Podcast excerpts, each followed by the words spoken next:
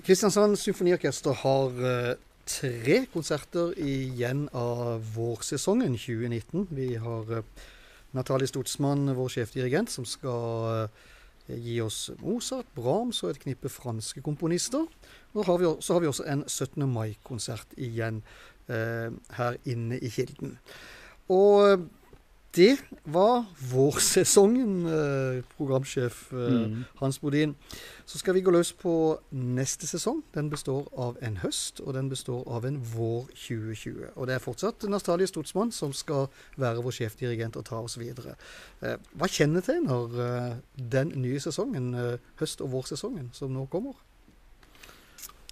Ja, alltså vi, mm, vi ser, ser väldigt fram emot uh, få jobba med, igen med, med Nathalie Stutzman. Det är ju det är en stor personlighet i musikvärlden och ehm, eh, med enormt kontaktnät. Vi märker ju att vi, vi kan locka hit solister och, som gärna vill spela med henne och som har upptäckt då Kristiansands symfoniorkester som de förmodligen inte kände till eh, tidigare eftersom vi är en väldigt ung orkester. Så hun trekker både utøvere og publikum. Ja, det tror jag. Och, ehm, och det är en speciell kemi mellan henne och eh, KSO, mellan orkestern och henne, som, som gör att det, det blir en extra, extra stämning när hon eh, kommer in i Ja, vi, huset. vi har jo sagt det før, om det er hun som har brukt uttrykket først, eller om det er orkesteret, men det er iallfall en viss form for forelskelse mellom sjefdirigenten og Ja, orkesteret. jo, men det, det är väldigt, en väldigt speciell relation där mellan en person och så ett kollektiv. Då,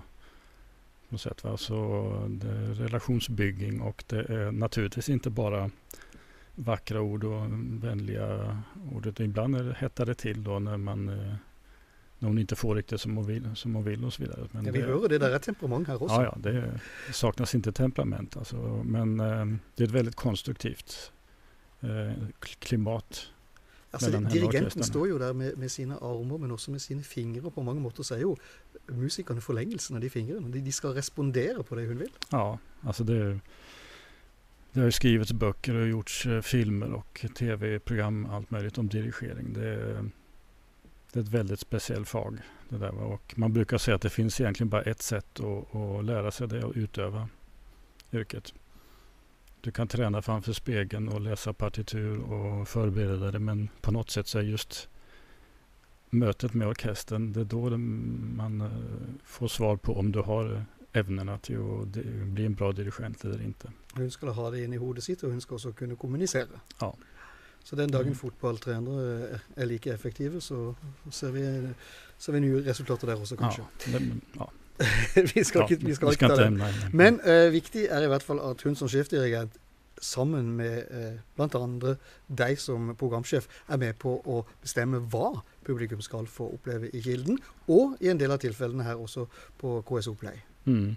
Det, det är ju så då, vi har ehm, en chefdirigent, Nathalie Stutzman, och så har vi en första gäst, dirigent eh, Julian Rachlin.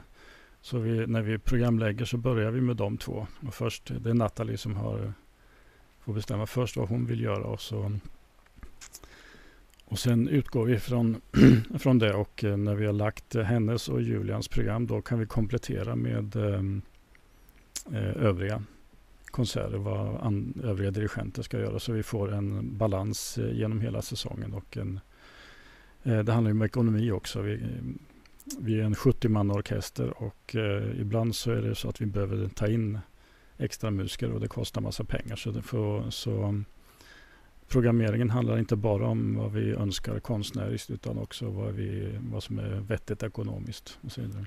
Men sjefdirigent Stutzmann hun er glad i komponister med store symfoniske verk. Eh, Mm. Brahms har vi hatt flere møter med eh, i sesongen som har vært, og, og det blir også noe Brahms før vi skal avslutte. Mm. Og så langt jeg kan se, så er det faktisk også der hun åpner. Ja, vi öppnar ju den här säsongen 1920 med Brahms eh, först, eller andra symfoni. Och eh, vi ska mm, spela den fjärde symfonin med henne nu i nästa vecka faktiskt. Och eh, säsongen eh, 1920 så ska vi göra både nummer ett och nummer tre. Så då har vi faktiskt gjort alla Brahms-symfonierna med henne. Och det är en, det är en väldigt central eh, komponist för henne, det är helt klart. Ehm, Og det er ganske flott å spille også, for det er stor Ja. symfonisk musikk. Ja, det är det. Alltså inte, inte, den, eh, det är inte den största numerären. Eh, det är inte lika stort som, är inte Wagner. som Wagner och Strauss och så, Richard Strauss. Men eh, det är väldigt stor musik. Det är ska jag säga, breda penseldrag, eh, stora byggstenar och enormt kraftfull musik. Mm. Och vi får alltså eh, i augusti i säsongöppningen så får vi Brahms också. Mm. Eh, men så lite efterpå, några veckor senare, så är det Julian Rachlin som kommer hit. Ja, just det. Och vad ska han ge? Ja, han eh, ska faktiskt göra någonting som kanske är något av det mest populära i den klassiska musikvärlden, nämligen Vivaldis eh, fyra årstider. Som då är fyra violinkonserter eh, Eh, på cirka 15-16 minuter vardera och som har med på tematiken eh, vår, sommar, höst och vinter. Och det här är ju, det är ju musik som snart är 300 år gammal. Då. Det, eh, det publicerades 1725 och han, han höll väl på några år med det där kanske. Eh, och det är ju tematiken, eh, melodierna känner ju många till. Och eh, det som är lite intressant också det är att eh, det är något, kanske det allra första exemplet vi känner till från, på det som, av det som kallas eh, programmusik. Alltså han skildrar någonting utanför musiken. Han, eh, det är inte bara att han kallar det eh, våren utan han försöker verkligen skildra musiken efter ett tag, efter det första temat, dan, dan, dan, dan, så kommer man, hör, hör, man hur två violiner slingrar sig rom, om varandra ungefär som två uh, rännilar i en flod eller en bäck. Är det skrivet för filmen var uppfunnet men det är ja. musik som egentligen hade passat Absolut, till att bli? Ja. Det, det, är beskrivande musik på, på många måter och han har han har också eh, skrivit eh, text, några sonetter till, eh, till de här eh, violinkonserterna. Som jag tror vi ska försöka illustrera på något sätt också. Det blir spännande. Mm. Uh, Julian Rachlin, en glimrande fiolinist, det är ja. det han har varit känd som. Och så är han en god eh, förmedlare som dirigent. Och någon gång är han bägge delar. Vad blir han här? Jo, här är han spelande ledare kan man säga. Och det är inte bara Vivaldo utan det är också um, Astor Piazzolla, den mm. argentinske tangokungen då som som på något sätt förnyade det här begreppet argentinsk tango. Och utifrån att han hade han har vuxit upp i, delvis i New York och fått influenser från jazz och han har, han har även eh, varit borta i klassisk musik och studerat. Eh, han hade en tankar på ett tag att bli en klassisk komponist. Men så fick han rådet att istället eh, renodla det som han faktiskt brann för och var duktig på, nämligen tango. Men vi har det där begreppet tango nuevo då som den nya tangon. Den nya tangon då. Så han har eh, skrivit också fyra violinkonserter som skildrar eh, Buenos Aires årstider. Så det kommer Rachlin, eh, Julian Rachlin att spela efter paus. Så Vivaldi och sen eh, Piazzolla. Och däremellan... Årstiden i olika klimatzoner. Ja, just det. Så det, det blir lite annan eh, räckeföljd på årstiderna då. Så. Men det är ju enormt, eh, precis som Vivaldi, enormt lättillgänglig, melodiös och ja, fantastisk musik. Ja, och däremellan blir ett, ett divertimento av Mozart. Mm. Mm. Så Uh, vi har Rachlin, jag sitter bara och kikar framåt här på kalendern. Det är ju så mycket, vi kan nog egentligen ta för oss allt. Men, men Stutzman kommer tillbaka med Tchaikovsky. Ja, Um, Tchaikovskys sjätte symfoni. Den har alltså kommit till slut, mitten av eh, september, bara för att säga det. 19 september, ja. Mm. Uh, Tchaikovskys sjätte symfoni har ju fått namnet patetik. Och det är ju inget uh, bra ord nu för tiden om man är patetisk. patetisk nu är man lite löjlig och alldeles too much. Men patetik på den tiden betyder uh, väldigt känslomässigt, uh, känslofullt. Så mycket engagemang. Vi får kämpa för en renässans för det gamla begreppet. Mm. Jo, det är, vi kan försöka. Nej, men, um, det här blir hans sista verk då. Och, um, historien var han var ju homosexuell vilket var förbjudet i lag i Ryssland på den tiden. Och um, han riskerade dödsstraff om man uh, skulle bli åtalad för det. Mm. Och han dog då bara några veckor efter att den här symfonin eh, hade blivit ur, urframförd och eh, det finns många teorier om men eh, man tror att det kan vara så att han begick självmord genom att dricka eh, vatten. Dricker vann? Ja, som det var kolera-bakterier i. Och, och, för att undvika en skandal. Att han hade en, en relation med en, en ung man och om det här skulle Eh, komma fram då så skulle han eh, skulle skandalen vara fullkomlig. Han skulle belasta sin egen familj och allt möjligt och sådär.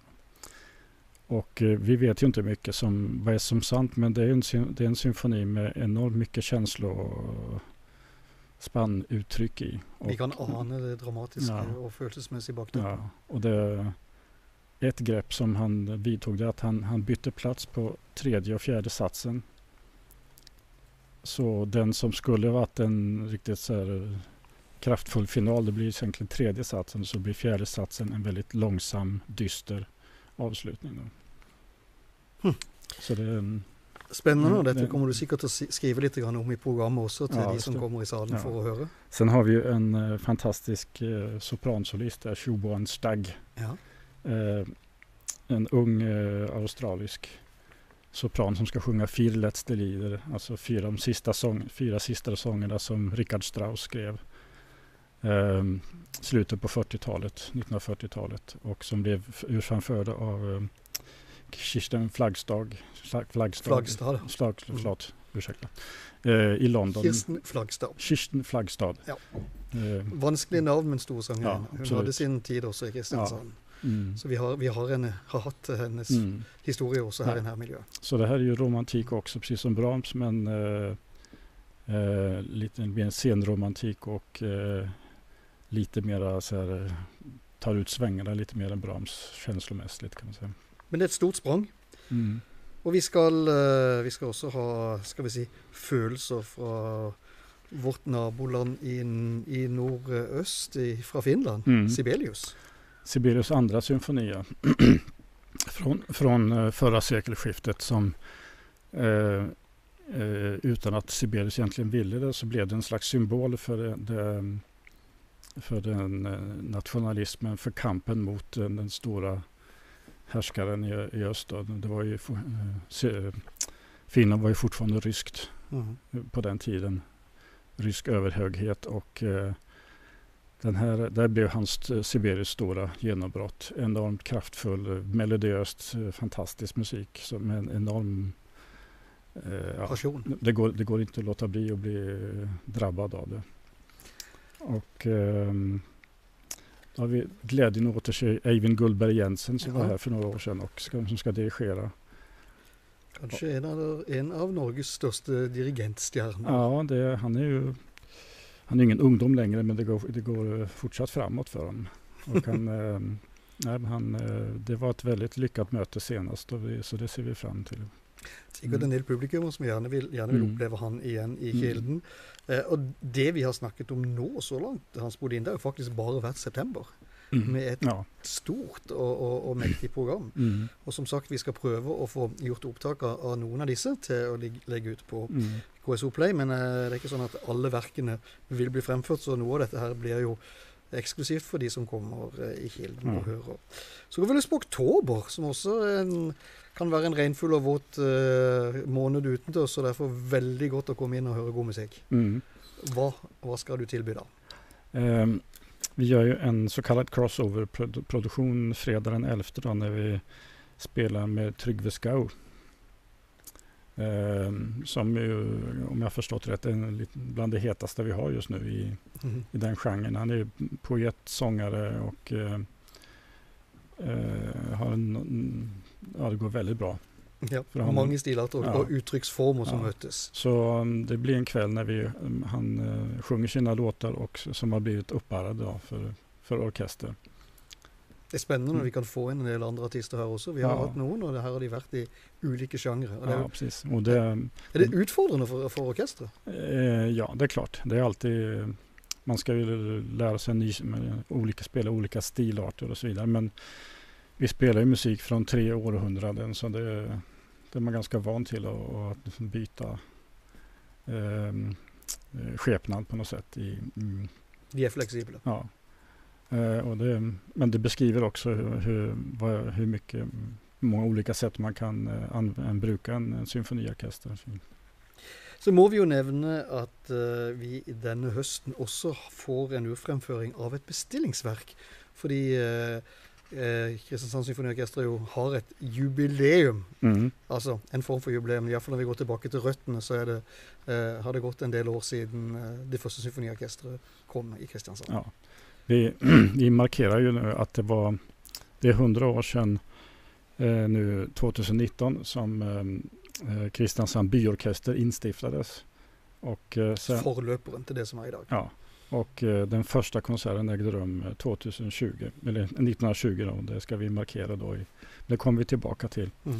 Men eh, det hör ju till då när man har ett jubileum att man ska eh, hylla det som har skett förut. Men man ska också se framåt och gärna eh, beställa ett nytt verk. Och det har vi gjort av Rolf Gupta. Den tidigare chefdirigenten som ja. kommer tillbaka som primärt komponist. Ja, just det. Och ehm, det här är ett verk som eh, skrivits för orkester och eh, sångsolister och eh, rätt mycket korsanger också. Eh, det heter Jordens sang. Det låter ganska pretentiöst om man tänker på Gustav Mahlers Das Lied von der Erde. Mm. Men eh, jag tror inte vi ska uppfatta det så att han ska övertrumfa Mahler. Men det här är kanske...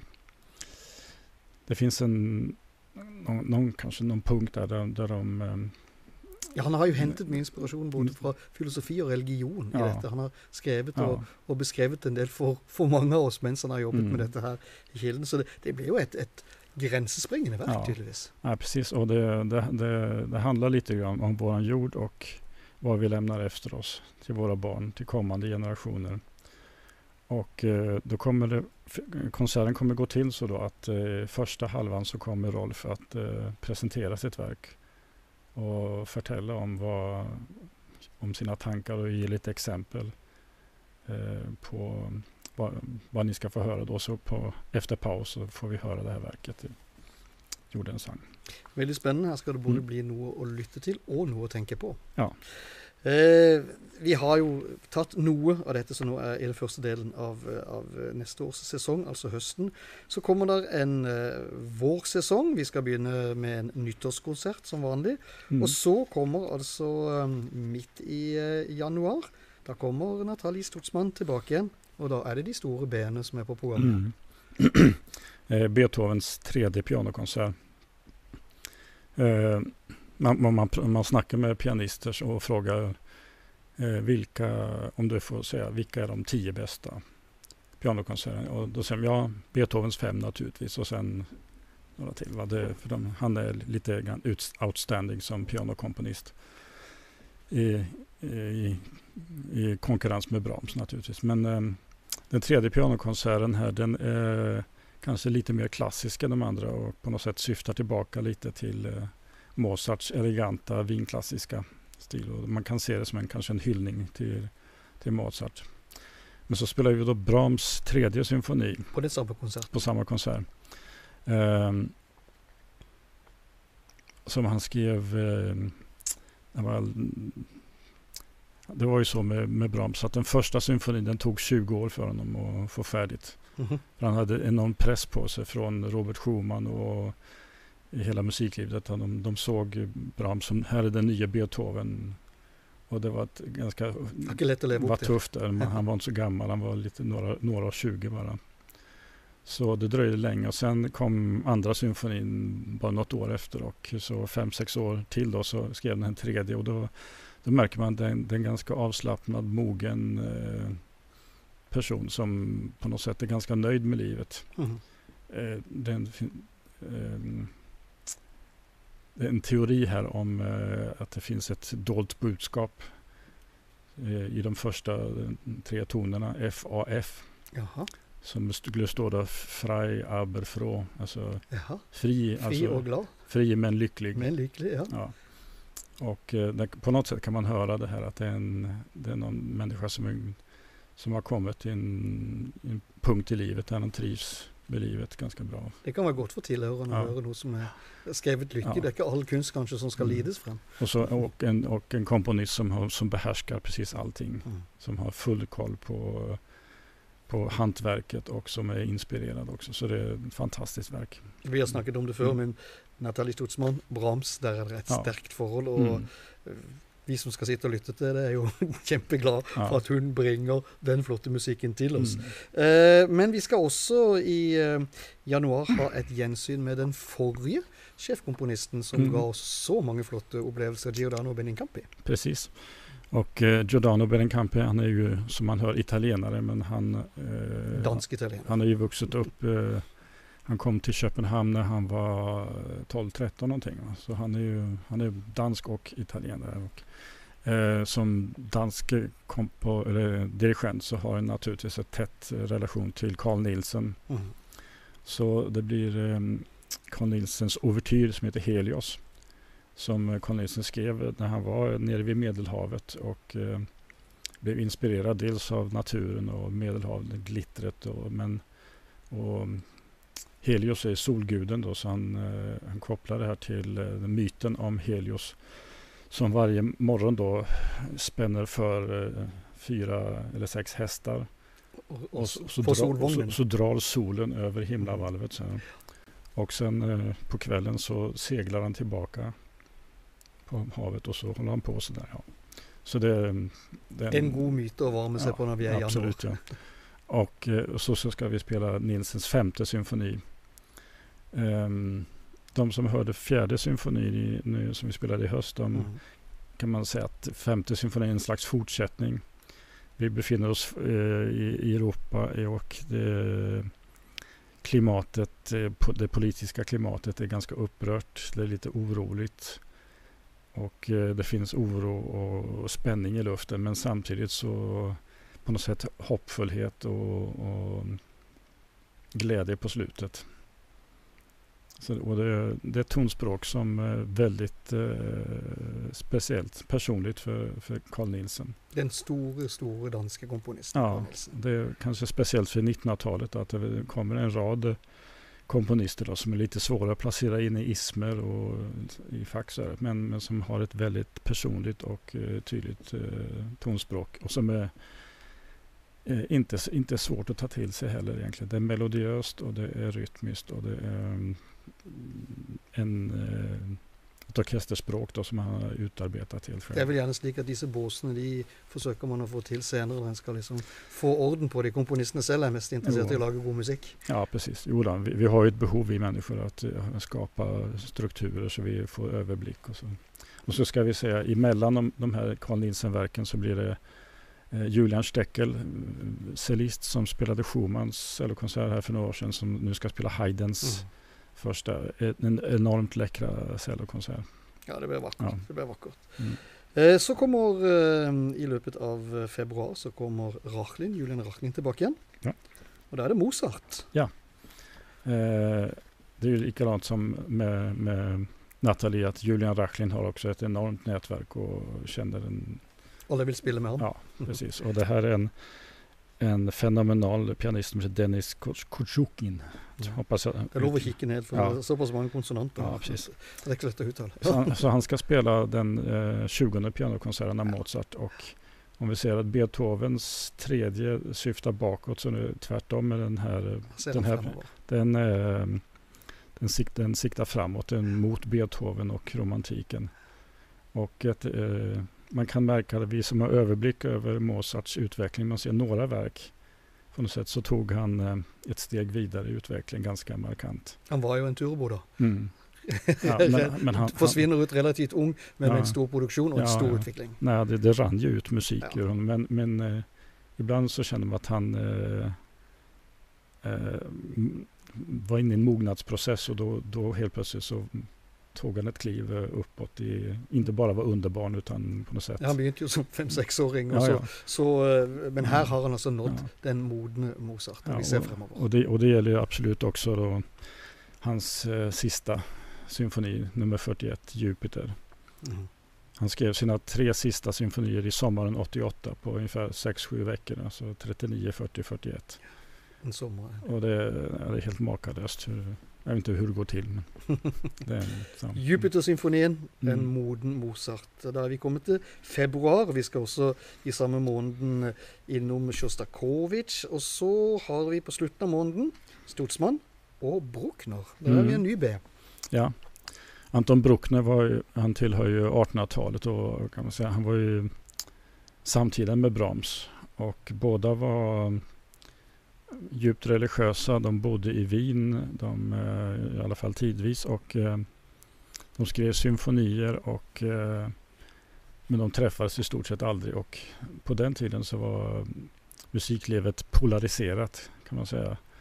Så Brahms hade sina anhängare och Bruckner hade sina anhängare. Så det var nästan som fotbollsfans nu för tiden. Att de som var riktigt eh, korkade, de, de, till exempel Bruckner-fans kunde gå på en eh, Brahms-konsert med visselpiper. Då, för dem.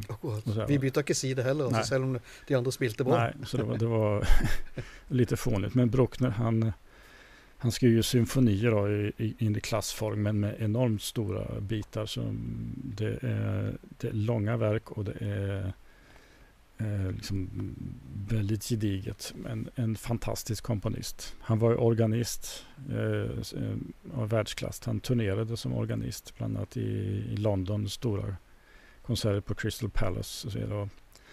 Ehm, och det hörs i hans musik också. Han använder or orkestern som en stor uh, orgel. Som et stort orgel, Ja, et stort instrument. Det jo det gjerne vi, Mm. vi er glad for at når komponister kan bruke musikerne som, som et stort Ja, instrument. Ja, det är en speciell upplevelse, absolut. Bruckner, det er i eh, Der skal vi, må, kan vi kanskje nevne at her har vi også et samarbeid med, med studenter. Just det. Det är um, motsvar, tillsvarande konsert som i år var eh, Planeterna av Holst. Mm. blir nu Bruckners sjunde symfoni och med Nathalie Stutzmann. Eh, och då har vi elever från, eller studenter från eh, universitetet i Agder och i Stavanger Mm. och kanske från något annat håll också. Spennende. Eh, og det er mange flinke utøvere som etter hvert kommer ut av, av Mm. studentenes rekker. Eh, vi skal senere, litt sen, neste måned, altså i mars, også ha en del unge eh, talenter. Vi har vinneren av Griegs pianokonkurranse, som skal spille Ravel. Just det. Det blir spennende. Eh, nu får jag titta. Han heter Ryoma Tagaki. Ja. Och eh, eh, kom från Japan och han vann den stora internationella gig. GRIG-konkurrensen. Ja. Och han ska spela då en väldigt speciell konsert av Maurice Ravel. Eh, som är skriven för vänster hand. Och därför att solisten eh, i fråga hade varit med i första världskriget och blivit skjuten i eh, högra armbågen som de var tvungna att amputera armen. Men han hade kontakter och pengar då, så han började, han började eh, göra beställningsverk, eller beställa verk från den tidens stora komponister. Då, Bravel, Hindemith, Stravinsky och så vidare. Og så skal den kun spilles med hånd. Ja, just det. Akkurat. Mm. Ja, och de, det är det är ingen sport att spela med två händer, utan man ska spela med... Eh, och och ehm, det kommer en intressant dirigent också. Vi har bara intressanta... som- Men han heter. Hans Graf, en väldigt rutinerad eh, dirigent. Så det blir en väldigt ung solist och en väldigt rutinerad dirigent. Och eh, vi hade en bra dialog vad det gällde repertoar eftersom eh, eh, Ravel då som var önskemålet från solisten så byggde vi ett program med, musik från samma tidsepok, alltså mellankrigstiden. Sent 20-tal, tidigt 30-tal. Så det blir musik av eh, Leos Janacek, Mhm. eh, Sinfonietta och de som känner till det verket så vet att eh, inledningen är, har man en hel mängd med bläckblåsare. Nu ska vi spela en reducerad version så det blir inte 13 trumpetister utan det blir lite mindre. For vi har ikke 13 trompetister i Nej, och, orkestret. det, och, och hyra in det skulle bli våldsamt dyrt. Men eh, det är ändå fortfarande ett fantastiskt verk. Eh, Sinfonietta som han eh, eh, Janacek blev inspirerad när han satt och såg en idrottstrupp eh, tågar och så alltså, satte den eh, igång. Så det är folkloristiskt, det är nationalistiskt och det är fräsch musik. Och så spelar jag musik av eh, Paul Hindemith. Mhm. Eh, bland annat hans eh, en symfoni då som bygger på hans opera Mattis der Maler. Som hade ett eh, politiskt budskap som handlar om konstens frihet och så vidare. Och som inte upp, uppskattades av den nazistiska regimen. Så vi har lite vänsterinflytelse här också kanske. Ja. Vänsterhåndsarbete i Ravel. Mm. Och så har vi alltså då också eh, den vänster opposition mot, eh, mm. mot högerpolitiken. Så Hindemith var en av de eh, komponisterna som fick eh, fly landet helt Ja. enkelt. Att, Spennende. Det er Mm. viktig også når, mm. når musikken kan bety noe politisk. Som vi har hatt noen eksempler på tidligere, ikke minst i forhold til, til sovjetiske eh, komponister. Mm. Eh, vi skal eh, også i vår eh, Ja, det blir mer Beethoven eh, i april. Eh, det är ju så att eh, Ludwig van Beethoven kommer att hyllas världen över. Han var ju född 1770 så det är jubileum då Mm. 2020. Och eh, vi ska inte avslöja för mycket men tyngdpunkten för våran del av, jub- av Beethoven-jubileet det kommer att ske hösten 20. Som vi ikke skal ta nå, for Nei. det skal vi ta Det senere. ska vi ta sen. Men eh, den 2 april ska vi spela två eh, praktverk av Beethoven. Den andra symfonin och så hans, den så kallade trippelkonserten Mm. som är skriven för, för violin, cello och piano och orkester. Och eh, pianostämman här eh, skrev han speciellt till sin elev som han, han eh, eh, ärkehertig Rudolf av Österrike. Så den är inte den mest avancerade pianostämman i, i, i, lite i, i, Skulle man ta hensyn til at han ikke man skulle, man skulle ikke bli sur. nej, ärkehertigen. nej, så den var lite spe- speciell. Men eh, icke desto mindre så är det ett fantastiskt eh, orkesterverk. Og flott, eh, flott instrumentalmusikk blir det også når eh, I slutten av april da kommer Julian Rachling tilbake igjen. Da skal han altså gi oss Tsjajkovskijs fiolinkonsert. Og jeg antar igjen at han blir eh, spillende dirigent. Just det. det, och det, det är lite av en utfordring får jag säga. Att, Ja, Mm, men eh, Vakker konsert. Og, Ja. og, men han har, det er jo mer på, på programmet den, den kvelden. mm, det är Prokofjev. Prokofjev, ja, klassisk symfoni som eh, han skrev eh, mm, alltså, vad ska jag säga, 1912, 13, 14 någonting. Och det var en eh, tanke, eh, ett experiment där. Hur skulle en eh, symfoni av Haydn låta Mhm. idag? Mhm. Tänkte. Och, så Ja. skrev, och så skrev han i samma format och med vinklassisk elegans fast med eh, ett, eh, ett annat tonspråk då kan man säga. Och det har blivit en, en sån modern klassiker. Brahms variasjoner over temahøyden. Da, da, da, da, Ja. di, di. Vakker. Just det. Och det är egentligen temat är inte av Haydn men, men Det eh, det var ett eh, någonting som Johannes Brahms fann bland eh, Haydns eh, efterlämnade papper. Mhm. Han satt och grävde och så hittade han en, det här eh, det temat som han eh, gjorde variationer över. Som har blivit också en, en eh, väldigt omtyckt klassisk. Et tema som Mm. er stjålet av mange og brukt i alt fra populærmusikk osv. Ja, men, det- men det er veldig flott. Mm, Veldig ja, flott. absolut. Mm. Det blir bra. Eh, vi, eh, vi nærmer oss det vi har, slutten på det vi skal ta med av det kommende eh, programmet for, eh, for høsten og, og våren. Eh, men eh, vi kan jo ta med at vi har jo en av våre store norske solister som skal komme her og gjøre klingende kontraster fra Amerika. Det Mm. er kanskje du som har gitt tittelen til programmet? Eller til konserten også? Ja, det, jag vet inte vem som... ja, det, det är nog flera som har bidragit där och det har varit flera förslag. Men det, eh, det är alltså musik av eh, komponister som eh, antingen har, eh, är amerikaner eller har, eller har varit verksamma i, i USA. Då. då tänker jag främst på Wolfgang Korngold. Han var ju österrikare men eh, levde största delen av sitt liv i eh, USA och i Hollywood. Bare for å si det er Guro Kleven Hagen som skal være Just det. solisten. Guro Kleven, hon som spelade Sjostakovitjs första eh, violinkonsert med oss eh, förra våren. Praktfull konsert. Fantastisk. Ja, hon, hon är, jag tycker hon är helt fantastisk. Och den här violinkonserten har Korngold byggt på teman eh, som han har använt i filmer. Så den är lite speciell. Ehm, Ja, For hva hadde Mm. film, film og filmverden vært Mm. uten symfonisk musikk? nej, precis. Nada. Nej, nej.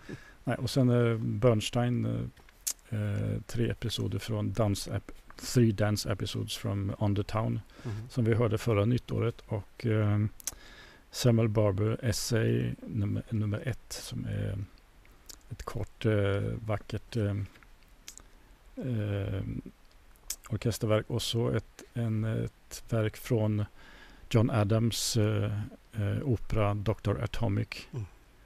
Eh, John Adams är en, en annan komponist som på något sätt har lyckats vinna tillbaka publiken att lyssna på samtida musik. Som han uttryckte det själv att eh, eh, man måste på något sätt kommunicera med publiken på ett känslomässigt plan. Det har han lyckats med utan att för den skulle vara liksom bara bli hopplöst eh, populistisk. Så, men den här när operan handlar om f- de, hur man skapade atombomben i Los Alamos i Kalifornien. Så huvudfiguren är, är han Oppenheimer då. Som, Aha. ja, Det här. Så Oppenheimer har fått sin opera. och, eh, men så jag tror vi, vi kanske ska nämna också att ehm, innan den här konserten så gör vi faktiskt eh, den här jubileumskonserten. Då. Ja, det hoppet så. vi over. Vi sa Ja. vi har ett jubileum, men vi Ja. glemte jo faktisk Ja. at, at vi gjenskaper det Ja. som ble gjort i, i 1910. Nej, precis. Så, så det vi gör i slutet av april det är att, att vi gentar då den första symfoniska konserten som ägde rum då i, i februari 1920 med eh, den nyinstiftade Ja, Kristiansand. 1910, men jeg mener selvfølgelig Ja. 1920. Ja, De begynte kanskje bare å prøve i 1910. ja just det. så. Nej, så det blir exakt eh, samma program. Och så kommer Terje Boye Hansen. Vi att tro det ble litt bedre fremført? Kanskje kommet litt Ja, lenger teknisk? det, Ja, man, man, man hoppas ju det på Ja, något det- sätt. det- vi har ingen tidsvetning. gått framåt. Men det. Nei, Jag tror, jag tror inte det lät det är dåligt på något sätt för hundra år sedan. helt sikkert ikke. Men Så det är Edvard Grieg och det är, är um, Johan Svensson och så Josef Haydns 104 symfonin som har uh, kallenamnet London. Ja. Mm. London Symphony. Och Terje Boye Hansen är med som konferencier och eh, vi ska försöka göra lite kringarrangemang också.